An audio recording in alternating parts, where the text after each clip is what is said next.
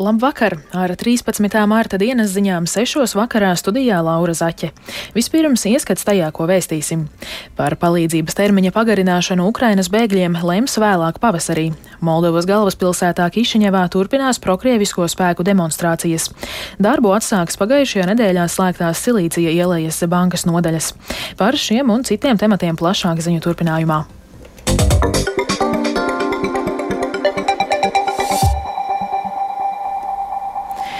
Cik ilgi Ukrainas bēgļiem Latvijā būs primārā palīdzība, izmitināšana un ēdināšana? Par to šodien sprieda Saimas aizsardzības iekšlietu un korupcijas novēršanas komisija. Pat labam tas noteikts līdz 1. jūlijam, un par šī termiņa pagarināšanu deputāti lems atsevišķi pēc līdzšinējā palīdzības apjoma izvērtēšanas. Tā šodien lēma komisijas deputāti. Vairāk Jāņa Kīņša sagatavotajā ierakstā. Ukrainas civiliedzīvotāju atbalsta likums noteica izmitināšanas atbalstu 120 dienas un ēdināšanu 30 dienas.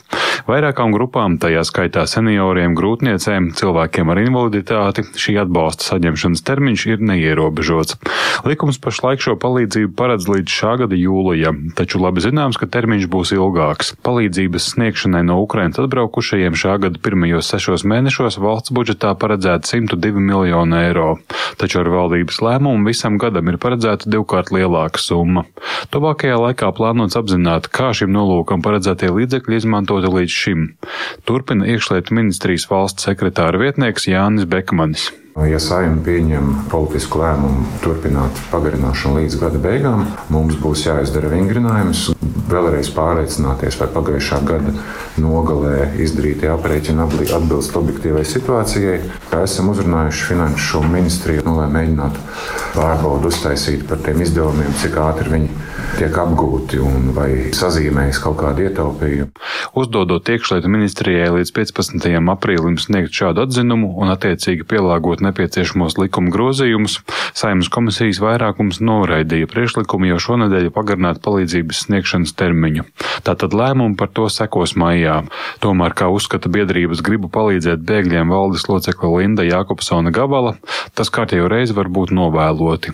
Šiem cilvēkiem jau ātrāk vajadzētu nodrošinājumu par palīdzību Latvijā, nevis kārtējo reizi pēdējā brīdī. Šī ir ceturtā reize, kad mēs par to diskutējam. Ceturtā, un mēs zinām, ka ir 2024. gada 4. marts, līdz kuram ir pagaida aizsardzības status. Jumts virs galvas ir nu, pamatlieta, kas mums ir jānodrošina. Jautājums, protams, ir, kā mēs to nodrošinam. Bet nu, arī šobrīd atbalsts 100 eiro mēnesī, vienalga, vai tā ir pašvaldība vai tas ir mājsaimniecība, pie kuras cilvēks joprojām dzīvo, nu, nav milzīga summa. Vienlaikus komisija atbalstīšanai galīgajā lasījumā lēma virzīt veselības ministrijas sagatavotos priekšlikumus priekšlikumus. Tie paredz līdz diviem gadiem pagarināt darba atļauju Latvijā no Ukrainas atbraukušajiem mediķiem. Šos likuma grozījumus saima skatīs jau 4. 16. martā. Jānis Kincis, Latvijas radio. Plašākā diskusija šīs dienas koalīcijas sanāksmē bija par pedagoģu atalgojumu, ko koalīcijas partneri konceptuāli atbalsta. Tāpēc sanāksmes sacīja ārlietu ministrs Edgars Rinkevičs no jaunās vienotības. Viņš teica, ka vēl, protams, turpināsies darbs pie detaļām. Un viens no tādiem lielākajiem jautājumiem, par ko bija plašāka diskusija, bija Izglītības un zinātnes ministrijas priekšlikums atbalstīt pedagoģu zemākās vienas stundas likmes paaugstināšanu no 1. septembra, nosakot to 8,50 eiro, 50 eiro centri un pirmskolas izglītībā 7,75 eiro centri apmērā konceptuāli. Koalīcijas partneri to atbalsta, bet mēs, protams, vēl diskutēsim par atsevišķiem finanšu jautājumiem un arī par kultūras ministrijas padotību esošo iestāžu pedagoģu samaksu.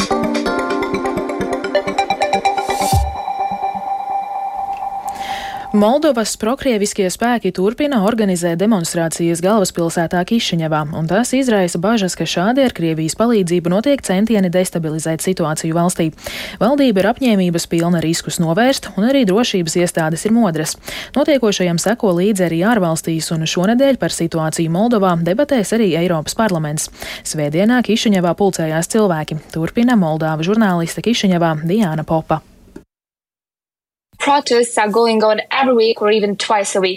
Protesti notiek katru nedēļu vai dažreiz pat divas reizes nedēļā. Satraucošas bija ziņas par to, ka Kišiņevas lidostā tika aizturētas vairākas personas, kas atgriezās no Turcijas.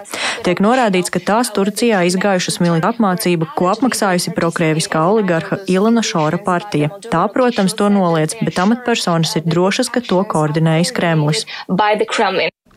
Moldovas valdība ir pārliecināta, ka tiks galā ar destabilizējošajām aktivitātēm, un uz to norāda arī Mihails Popsojs, Moldovas parlamenta vicespīkers.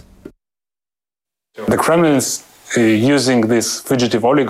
Kremlis izmanto šos oligarhus, lai mēģinātu destabilizēt situāciju Moldovā, un viņi atrod un savāc resursus, lai ar tiem maksātu par šiem protestiem. Esmu pārliecināts, ka mēs spēsim ne tikai tikt galā ar šiem izaicinājumiem, bet arī virzīties tuvāk mērķim, ko Moldovas vēlētāji ir noteikuši - virzīties uz integrāciju Eiropā.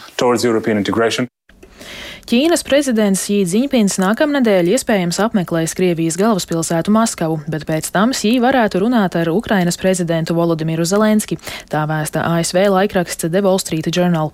Pekina februārī nāca klajā ar miera plānu kara Ukrainā izbeigšanai. Ķīnas un Ukrainas prezidentu saruna notiks virtuāli, un tā būs viņu pirmā saruna kopš Krievijas pilna apmēra iebrukuma Ukrainā. Turpina Vendija Maslobojeva. Krievija un Ķīna jau iepriekš bija ziņojusi par Jinpinga plānoto vizīti Maskavā, taču vizīte notiks agrāk nekā tas bija plānots. Ķīna ir izteikusi vēlmi būt par starpnieku miera sarunām starp Krieviju un Ukrainu, bet vienlaikus saglabāt ciešas saites ar Maskavu. Zelenskis ir aicinājis Ķīnas prezidentu uz sarunu, un Ukraina vēlas, lai Ķīna paliktu neitrāla, nevis stiprinātu savas attiecības ar Maskavu. Sīdzinpiņa vizīte Krievijā būtu nozīmīga Krievijas prezidentam Vladimiram Putinam, tāpēc Pekinas ierosinājumus panākt mieru Ukrainā sabiedrotie ASV un Eiropā noraidījuši kā vienpusējus. Šodien ASV federālo iestāžu kontrolēm darbu atsāks pagājušajā nedēļā slēgtās Silīcija ielējas bankas nodaļas. Finanšu uzraugi sola, ka maksāt nespēju pasludinājušās bankas klientu līdzekļi būs drošībā. ASV valdība arī apgalvo, ka neieguldīs nodokļu maksātāju naudu bankas glābšanā, bet ASV prezidents Joe Bidenis paziņoja, ka Savienoto valstu banku sistēma ir drošībā. Eiropas finanšu sektors pagaidām trauksmi neceļ. Notikušajam nevajadzētu tieši skart Eiropu vai Baltiju. Tā uzskata investīciju banķieris Girts Rungainis. Tie ir zaudējumi, ar ko tām bankām Eiropā jau var tikt galā. Iespējams, ka kāds sadarbojas vai kāds Latvijas jaunu uzņēmums, tā skaitā, ir saistīts ar kādu uzņēmumu, kas bija klients šajā bankā. Bet nu, pat cik šobrīd jau ASV valdība ir paziņojusi, ka visi klienti simtprocentīgi atgūs visus noguldījumus šajā bankā, tad principā tā ir tāda īstermiņa aizķeršanās. Protams, ir vismaz vēl viena banka. Tā gan atšķirībā no Silcijas ielējas bankas bija saistīta ar kripto kriptoaktīviem un tajā industrijā novērojamajām problēmām, kuras bija jau sen sagaidāmas un neizbēgamas. Iespējams, ka šis iespējas uz citām vidēji un uh, maza izmēra bankām kaut kādā mērā būs. Bet ir skaidrs arī tas, ka šobrīd atkal tiek domāts, kādā veidā paaugstināt kontroli, kur tika nedaudz relaksēta Trumpa administrācijas laikā bankām, lai viņas veiktu šos stresa testus un papildus gatavotos šādām situācijām. Bet skaidrs, ka tā procentu likuma celšana pēc ļoti ilga perioda, kad likums bija ārkārtīgi zems vai pat negatīvs Eiropā. Nu, tad daudz ir aizmirsuši vai neatcerās vispār tāds laiks, zināms, iemaņas zudušas.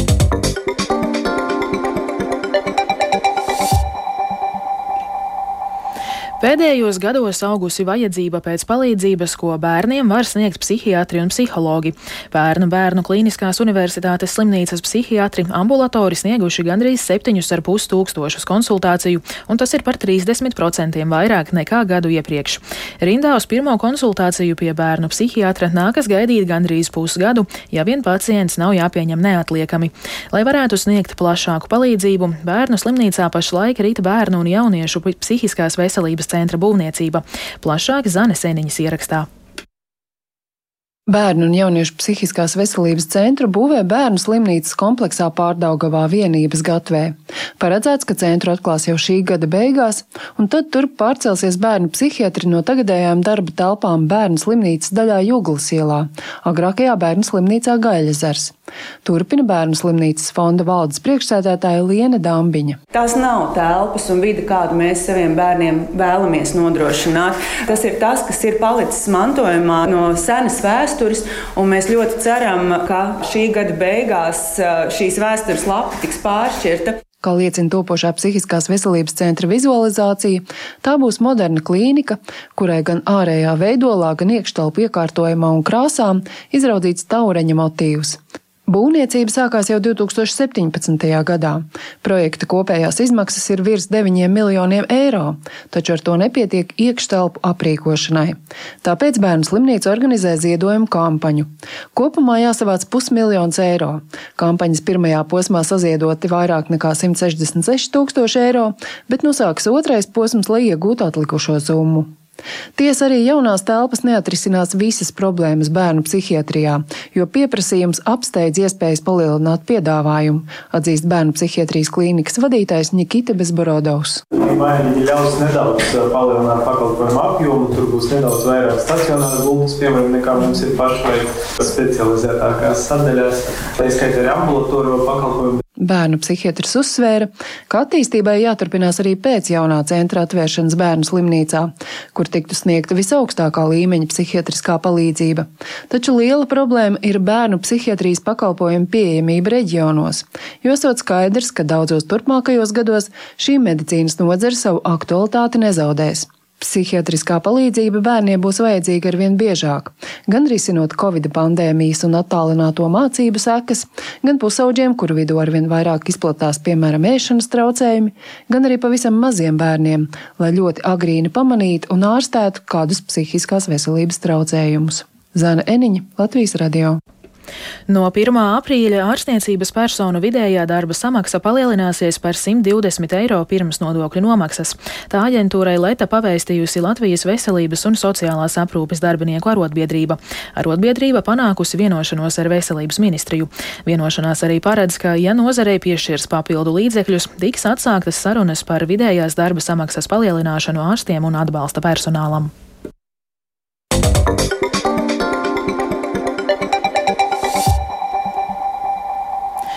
ASV Kinoakadēmijas jeb Oskara balvu ceremonijā šogad visvairāk un svarīgākos apbalvojumus izpelnījusies amerikāņu zinātniskās fantastikas komēdija Viss visur vienlaikus.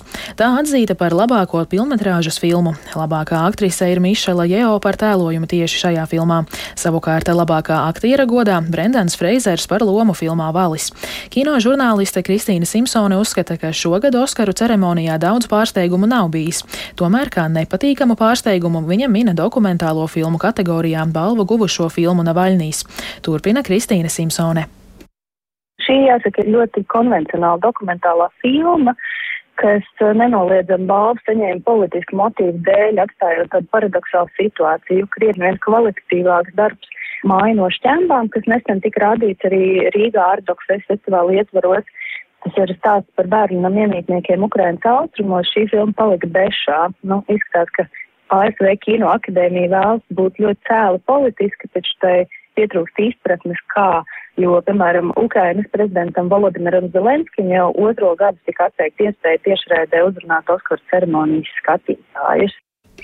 Ar Latvijas Nacionālā sporta centra vadību, kas pārvalda arī Siguldas ledus trasi, neviens par iespējamo iesaisti kopīgas kandidatūras veidošanā uz Olimpisko spēļu rīkošanu pagaidām oficiāli nav runājis. Tā Latvijas radio pastāstīja organizācijas valdes priekšsēdētājs Daniels Nātriņš. Viņš gan uzsvēra, ka jau tagad tiek domāts par trases rekonstrukciju, nemaz negaidot Olimpiskās kandidatūras jautājumu atrisinājumu. Turpina Daniels Nātriņš. Pagaidām nekāda oficiāla saziņa nav bijusi, kamēr nav pieņemti nu, teiksim, juridiski lēmumi valsts pusē.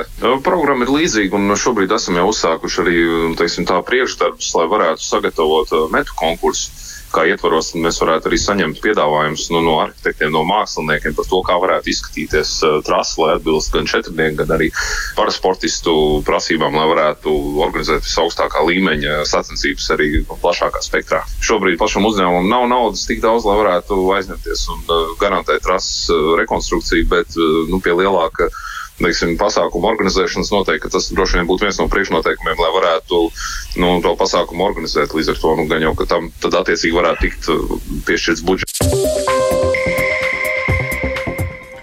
Ar to izskan 13. mārta dienas ziņas. Producente Vija Bremse, ierakstus montēja Uldis Grīnbergs, pieskaņu pulcīvete zvejniece, bet studijā Laura Zaķe. Un vēl tikai par laikapstākļiem.